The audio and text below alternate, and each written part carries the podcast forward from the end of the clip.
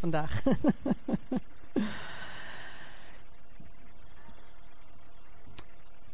Ik wil het vandaag met jullie hebben over fear not or fear God. Over vrees in de Bijbel. Ik ga heel wat teksten lezen.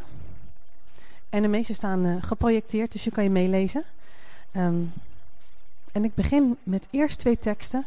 één uit het Oude Testament en één uit het Nieuwe Testament. Exodus 20. Dit is op het moment dat het volk de tien geboden ontvangt, maar niet direct met God durft te praten. Dan zegt Mozes tegen het volk: Wees niet bevreesd, want God is gekomen om u op de proef te stellen. En opdat de vrezen voor hem u voor ogen staat, opdat u niet zondigt.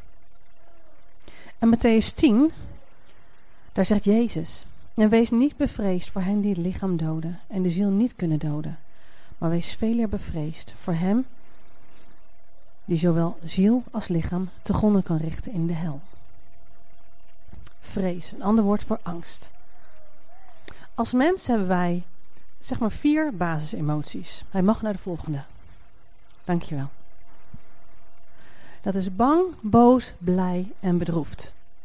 En deze emoties die hebben een basisfunctie. Dat zijn gezonde emoties. Zoals boos. Boos vinden we wel eens lastig. Maar boos is een gezonde functie. Heeft een gezonde functie. Geeft namelijk een grens aan. Stop, ik wil dit niet meer. Bedroefd geeft aan dat je troost nodig hebt. Dat je steun nodig hebt. Blij geeft je levenslust. Het geeft je energie, je laat er doorop. En bang maakt je alert en zegt: Ik moet gaan, er is gevaar. Het leert je omgaan met gevaar. Dus angst is een hele gezonde emotie. En in ons leven komen we heel veel met angst in aanraking. Er is veel gevaar in ons leven. Een hond die heel hard op je afkomt rennen, dan schrik je. Of een onguur persoon dat je denkt: Ik loop even een blokje om. Maar heel jong in ons leven komen wij met angst in aanraking. Wanneer we niet die omgeving ontmoeten die we nodig hebben om gezond op te groeien. Als er onvoldoende veiligheid of onvoldoende liefde is, dan ontstaat er angst. Angst om alleen te zijn, angst voor afwijzing. Angst dat je afgewezen wordt is eigenlijk een van de ergste dingen die je kan voelen. Dat is een groot gevaar en dat wil je kosten wat het kost vermijden.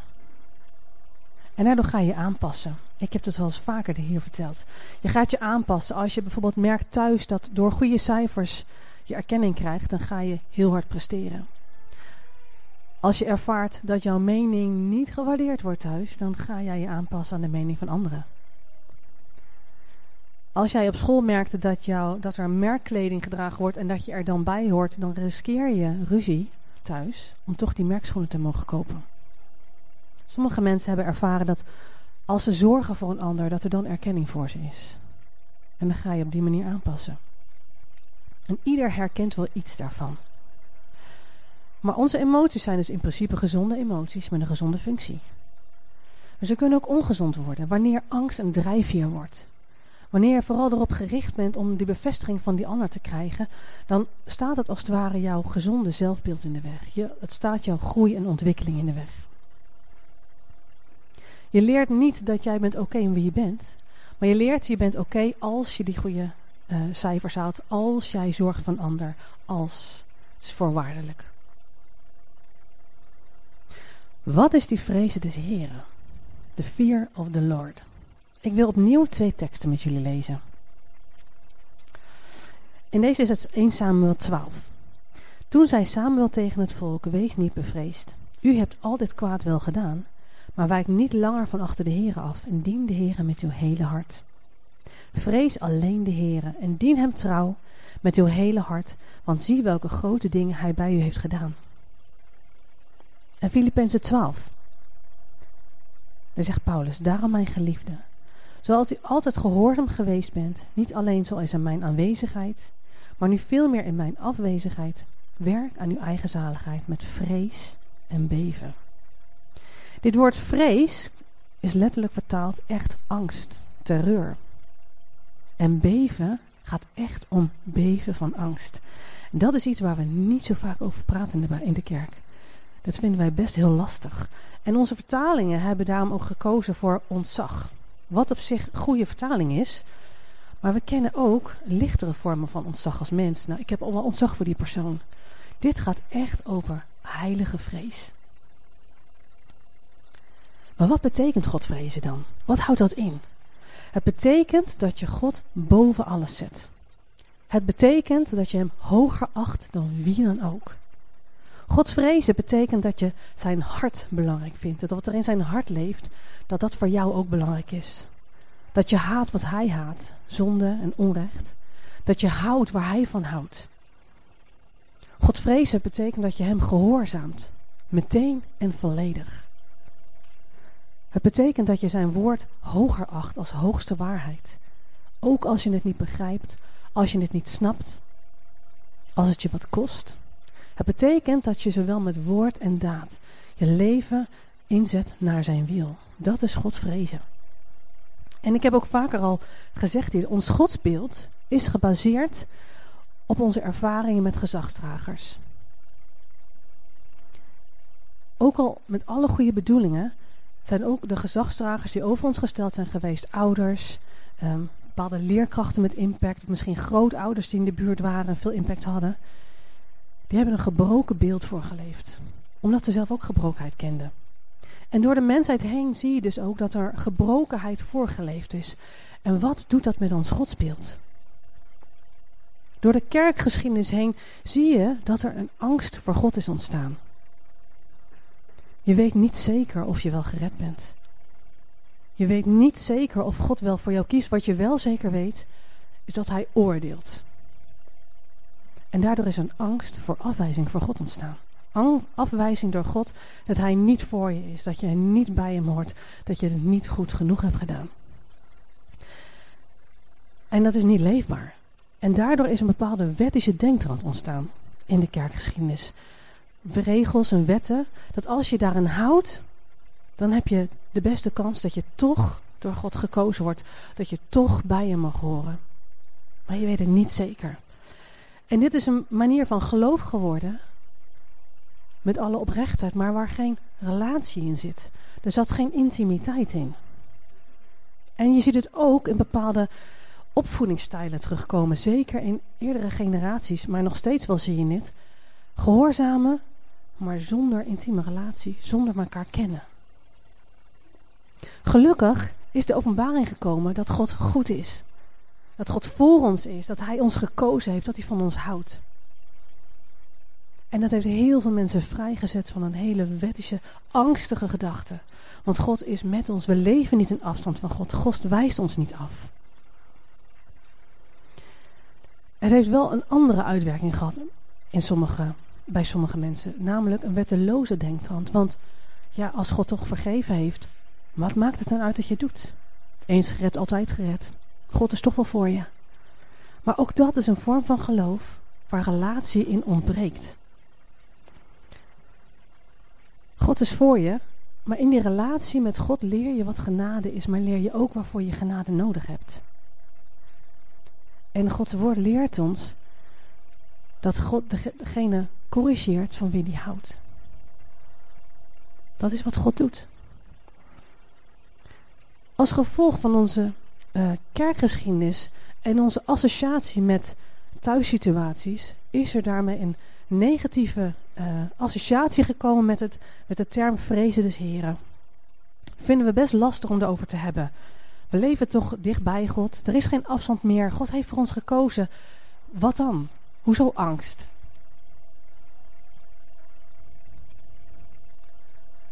Het klopt. We leven dicht bij God.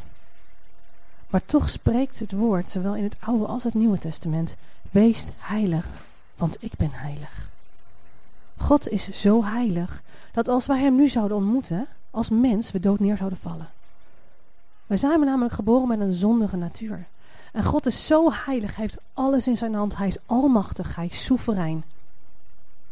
Het is niet onterecht dat we bang zouden zijn voor God. Gelukkig is Jezus gekomen. En Jezus heeft ons een nieuwe natuur aangereikt. Jezus is, we hebben het net gevierd, voor onze zonde gestorven. En wij mogen kinderen van God genoemd worden. deel zijn van de bruid van Christus. Daarmee zijn wij in staat om een hele intieme relatie met God te onderhouden. Maar wel op zijn voorwaarden. En dat is een heilig leven. En heilig betekent niet dat je perfect bent, dat je geen fouten maakt. Dat gaat over performance. Dat gaat over hard je best doen en verdienen. Het gaat om je hart. Wat gebeurt er in je hart? Wil je met je hart God op nummer 1 zetten? Wil je Hem lief hebben boven alles? In ons denken is daarmee de vrezen des Heren en gehoorzaamheid losgekoppeld van intimiteit en liefde. Je bent of uh, op afstand en bang, of je bent heel close met hem. Maar het, zijn, het is niet of-of, het is en-en. Het zijn twee kanten van dezelfde medaille. Zonder vrezen des Heren kun je Gods liefde niet begrijpen. Maar zonder Gods liefde snap je ook helemaal niks van de vrezen des Heren. Het is dezelfde medaille. En ik wil een aantal teksten met jullie doornemen. Het is maar het topje van de ijsberg. Ik wist niet dat er zoveel in de Bijbel staat over de vrees des Heren. Ik ga een aantal teksten met jullie lezen. U mag naar de volgende, dankjewel. Spreuken. De vrezen des Heren is een bron van leven om de strikken van de dood te ontwijken. Wanneer je wandelt vanuit een diep besef dat God goed is, dat Hij de Almachtige is, dan put je uit een bron van leven en er is bescherming tegen de strikken van de dood. De vrezen des Heren is een sterk, is een sterk, in de vrezen des Heren, sorry, is een sterk vertrouwen en voor zijn kinderen zal hij een toevlucht zijn. God gehoorzamen boven alles, hem lief hebben boven alles, maakt dat je ontdekt dat hij veilig is, dat hij betrouwbaar is en een toevlucht is. Welzalig de man die de Heere vreest, die grote vreugde vindt in zijn geboden. Zijn nageslacht zal machtig zijn op aarde. Het geslacht van de oprechten zal gezegend worden. God erkennen als Allerhoogste maakt dat jij zijn woorden niet als wetten en regels gaat ondervinden, maar als uh, vreugdevolle geboden. En wanneer je zo wandelt, zal het effect hebben op je nageslacht. Dat belooft het woord. De vrezen des Heeren is het beginsel van wijsheid. Allen die naar handelen, hebben een goed inzicht. Wandelen vanuit een diepe gehoorzaamheid, een diep ontzag voor God, geeft wijsheid en inzicht. En dan zegt de volgende tekst: Wijsheid begint met ontzag van de Heer, voor de Heer. Inzicht is vertrouwdheid met de Heilige. Wanneer je zo wandelt, geeft God jouw vertrouwdheid met Hemzelf. God maakt je vertrouwd met Hemzelf wanneer je Hem op werkelijk nummer 1 zet. Dus door God te eren, door zijn hart te zoeken, door zijn hart belangrijker te vinden dan al het andere, hem te gehoorzamen, positioneer je jezelf in een houding van diep ontzag. En als het ware, zit jezelf in de lichtstraal van zijn licht. Je komt in de schijnwerper van zijn lichtstraal te staan. Wanneer je in die lichtstraal gaat staan, kijk je naar hem. Je kiest daarvoor om hem te erkennen boven al het andere. Je zegt, God, u bent de eerste in mijn leven. Daardoor ontvang je bescherming. Je ontvangt wijsheid, vreugde. Het heeft effect op je nageslacht. Er ontstaat een intieme relatie. Want je kijkt naar God. En je ziet hoe God naar jou kijkt. En je leert zijn perspectief zien over dingen.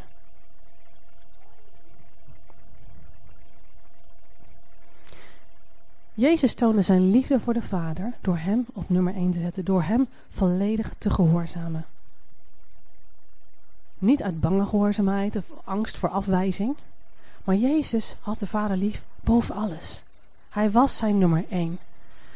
Dus wat God wilde, dat deed Jezus. Er staat ook dat Jezus deed wat hij de Vader zag doen. En Jezus liet niet zijn eigen gevoelens volgen van nou, vader, ik weet niet of dit wel een goed idee is. Zullen we hier wel mee doorgaan? Ze geloven nog steeds niet. Hij zei, vader, uw wil geschieden. dat wat u wil, dat zal ik doen. En Jezus komt terug, we zeiden het net al. Maar weet je, Jezus komt niet terug voor een knappe bruid. Niet voor een liefdevolle bruid. En ook niet voor een gelovige bruid. Het woord zegt dat Jezus komt terug een heilige bruid. Heilig apart gezet voor hem. Ze heeft zichzelf apart gezet en leeft niet naar de maatstaven van de wereld, maar naar zijn maatstaven. Dat is haar liefdebetoon aan hem. Psalm 25 zegt: Vertrouwelijk gaat de Heer om met wie hem vrezen. Zijn verbond maakt hij hun bekend. Er is een wederzijdse relatie tussen God. En God wil dat ook. Niet een gelijkwaardige relatie, want God is God en wij zijn zijn schepping. Maar God wil zijn hart aan ons bekendmaken. Hij wil dat wij zijn hart koesteren. Dat wij zijn hart kennen. En hij wil ons hart kennen. Hij verlangt ernaar dat zijn hart voor ons het allerbelangrijkste is. Dat hij zichzelf aan ons kan toevertrouwen. Maar weet je, wanneer Colino, mijn man, wanneer hij met mijn hart omgaat van ja, dat wat zij leuk vindt, dat maakt mij niet heel veel uit. Ehm, ik vind eigenlijk mezelf belangrijker, vind andere dingen belangrijker, dan, dan zal ik wel opletten om mijn hart te delen met hem, want ik voel me dan niet veilig. Mag hij op de bank slapen? ik zal het me zeggen, als het zover is. ik wil dat mijn hart bij hem veilig is, anders deel ik het niet. Maar zo is het ook met God. Zijn wij veilig voor Gods hart? Kan God zijn hart met ons delen? Koesteren wij zijn hart? Staat zijn hart voor ons op nummer 1?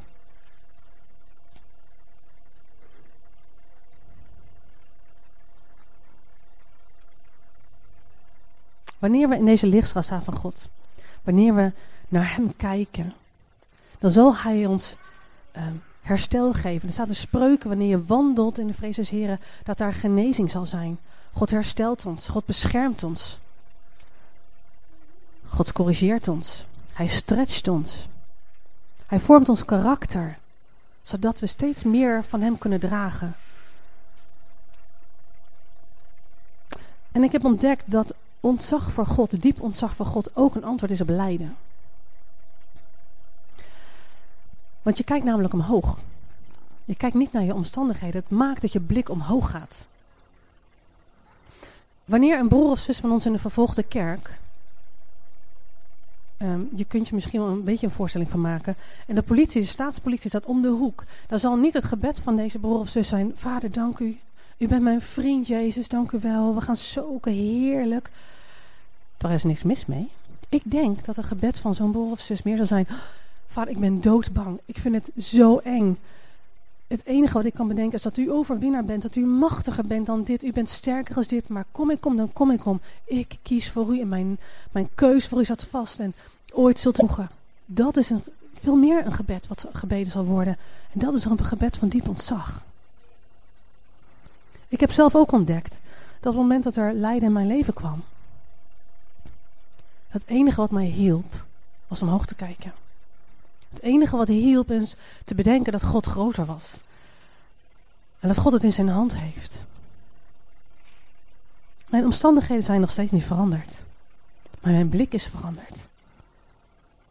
God liet mij zien een weg van diep ontzag. En ik mag nog veel meer leren daarover. Maar ik merk dat mijn leven met mijn relatie met hem is veranderd. Mijn blik is veranderd. Mijn omstandigheden zijn gelijk, maar mijn blik is anders.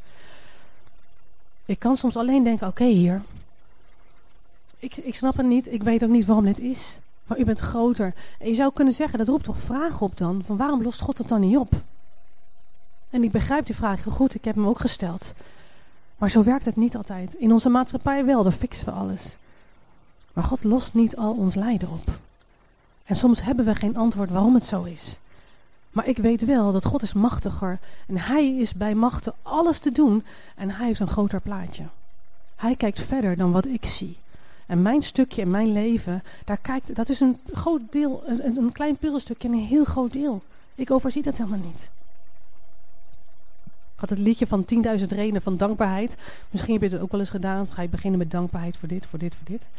Ik ben dat gaan doen met ontzag. Vader, u bent machtiger. U heeft alles in uw hand. U bent degene die van het begin tot het eind de geschiedenis uitrolt en weet hoe het afloopt. U zult mijn tranen drogen en al die beloften die God heeft gedaan, als, die ben ik gaan bedenken weer. Want dat was ik wat ik wist. Meer had ik niet. Stefanus, op het moment van zijn grootste pijn, zijn grootste lijden, dat hij gestenigd werd, zei dit in Handelingen 7. Maar hij, vol van de Heilige Geest, hield zijn oog naar de hemel gericht en zag de heerlijkheid van God. En Jezus staande aan de rechterhand van God. En hij zei, zie, ik zie de hemelen geopend en de Zoon des Mensen staande aan de rechterhand van God. Stefanus werd nog steeds gestenigd. Maar zijn blik was op de hemel en dat hielp hem er doorheen. Hij had meer ontzag voor God. Hij vreesde God meer dan de mensen die hem stenigden. Maar de vrezen des Heren beschermt ons ook. Maakt dat we op zijn weg blijven lopen. We krijgen wijsheid, maar ook onderscheid. En dat hebben we nodig. Ik hoor steeds meer mensen zeggen dat binnen liefde, God is liefde, kan alles. Heeft alles een plek. Want God is liefde. Zo zijn er ook steeds meer mensen die zeggen, ja, maar als God liefde is, dan kan er ook geen hel zijn. Misleiding is een van de grootste gevaren waar we mee te maken hebben. Wanneer je wandelt vanuit diep ontzag en erkent God is de enige, God is de Almachtige, zijn woord is het hoogste woord, is de, heeft, is de hoogste waarheid, dan beschermt jou dat voor een weg die daarvan afwijkt. Het lijkt soms zo waar, maar alleen God beslist wat waar is en wat niet. Dus het beschermt ons ook.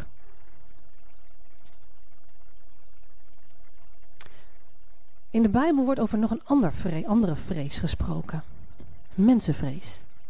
En mensenvrees, ik zei het in het begin al, is wanneer je vooral richt op degene van wie je bevestiging nodig hebt. Dat je bang bent voor erkenning, dat dat je drijfveer wordt. En we kennen dat allemaal op enige manier. Er is niemand die daar niet bekend mee is. En dat is ook zo logisch als je bedenkt waar we vandaan komen. En God weet dat ook. Koning Saul begon als koning door God aangesteld, maar hij liet uiteindelijk de mening van mensen hoger wegen dan Gods mening. Het kost hem zijn leiderschap, maar wel meer als dat. God begrijpt heel goed waar we vandaan komen. En hij wil daar genezing aan geven, maar hij weet ook dat wanneer wij op mensen gericht zijn, dat we kwetsbaar zijn. Want mensen zijn niet betrouwbaar. Alleen hij is betrouwbaar. Alleen hij weet wat goed is. Alleen hij is bij machten om dat te zien, te overzien wat waar is en goed is en liefdevol is. Dus als je laat leiden door wat, wat anderen van je vinden, dan loop je gevaar, dan ben je kwetsbaarder. En God wil dat herstellen, wil dat genezen. Jezus vraagt ons om tot het einde toe van Hem te houden, door Zijn woord te leven. Matthäus 7. Velen zullen op die dag tegen mij zeggen, Heere, Heere, hebben wij u niet in uw naam geprofiteerd? En hebben we in u niet in uw naam demonen uitgedreven? En in uw naam veel krachten gedaan? Dan zal ik hen openlijk zeggen, ik heb u nooit gekend. Ga weg van mij, u die de wetteloosheid werkt. Heel heftig. Dit waren mensen die actief zijn geweest om hun geloof te leven maar hebben niet de relatie met God vastgehouden, gekoesterd of misschien wel nooit gehad. En het lijkt een straf. Nou, dan mag je er niet bij horen. En dat is weer een beetje uit het wettische denken. Er wordt gestraft, want je doet het niet goed. Maar het is een consequentie. Wanneer je gaat trouwen en diegene zegt: Top, we gaan die dag trouwen. Tot die tijd heb ik hier en daar nog een scharrel kijk ik maar even rond om te zien wie er nog meer voor leuks rondloopt. Maar op die dag gaan we trouwen. Dan denk je, joh, uh, graag of helemaal niet. Met jou ga ik niet in zee. Of je kiest voor mij, of niet. Dat is geen straf. Dat is een consequentie. En dat is ook bij God. God wil dat je met, zijn, met jouw hele hart voor hem kiest. Dat je niet een schal hebt. Maar dat Hij jouw eerste liefde is. Wanneer de Bijbel dus zegt, wees niet bevreesd. Zegt God eigenlijk, wees niet bang voor mensen. Wees niet bang. Je hoeft ook niet bang voor mij te zijn, want ik heb voor jou gekozen. Ik hou van jou. Ik ben jouw bescherming. En wanneer er gezegd wordt, vrees de Heer, heb diep ontzag voor Hem, dan zegt God, kom bij mij. Kijk naar mij. Geef jezelf aan mij over, want daar ben je veilig. Daar kan ik in relatie met je staan en dat is wat ik wil met jou. Zo meer ontzag van God, hoe meer je zijn hart leert kennen en hoe meer je ontdekt dat je niks te vrezen hebt. Hoe leren we nou te wandelen in de vrezen des Heren? Nou, Jezaja, die beschrijft dat de vrezen des Heren een manifestatie van de Heilige Geest is. En Lucas leert ons dat als we de Vader vragen om de Geest, dat Hij die zeker zal geven. Dus wat we mogen doen, is de Vader vragen, Heer, ik heb het nodig dat u met uw Heilige Geest een diep ontzag voor u uitwerkt. Ik heb het nodig dat u in mij uitwerkt een gezond godsbeeld, wie u werkelijk bent. Ik heb het nodig dat u mij herstel geeft van een, ja, een beeld over mezelf, wat u helemaal niet ziet, maar ik heb bovenal nodig dat ik zie, u zie zoals u werkelijk bent. Almachtig, soeverein, tot alles in staat, maar liefdevol en in relatie. En ik verlang daarnaar. Ik verlang ernaar om een vriend van God te noemen, genoemd te worden, net als Mozes. Ik verlang ernaar om inspraak te hebben in situaties, net als Abraham. Maar weet je, dat gebeurt niet als God mijn buddy is. Mijn buurman. Op peer. De mensen in de Bijbel die vriend van God genoemd werden, dat zijn de mensen die bereid waren om een hele hoge prijs te betalen. Dus het vraagt was van mij. En ik vraag God om dat in mij te bewerken, die bereidheid om die prijs te betalen. Om kosten wat het kost, hem op nummer 1 te zetten. Wat er ook gebeurt, of ik het begrijp of niet, of ik het leuk vind of niet, of, ik het, of het me wat kost, het kan me alles kosten. Maar ik wil dat hij mijn nummer 1 is. En als je dat ook wil, dan wil ik je uitnodigen om te gaan staan. Dan gaan we samen bidden.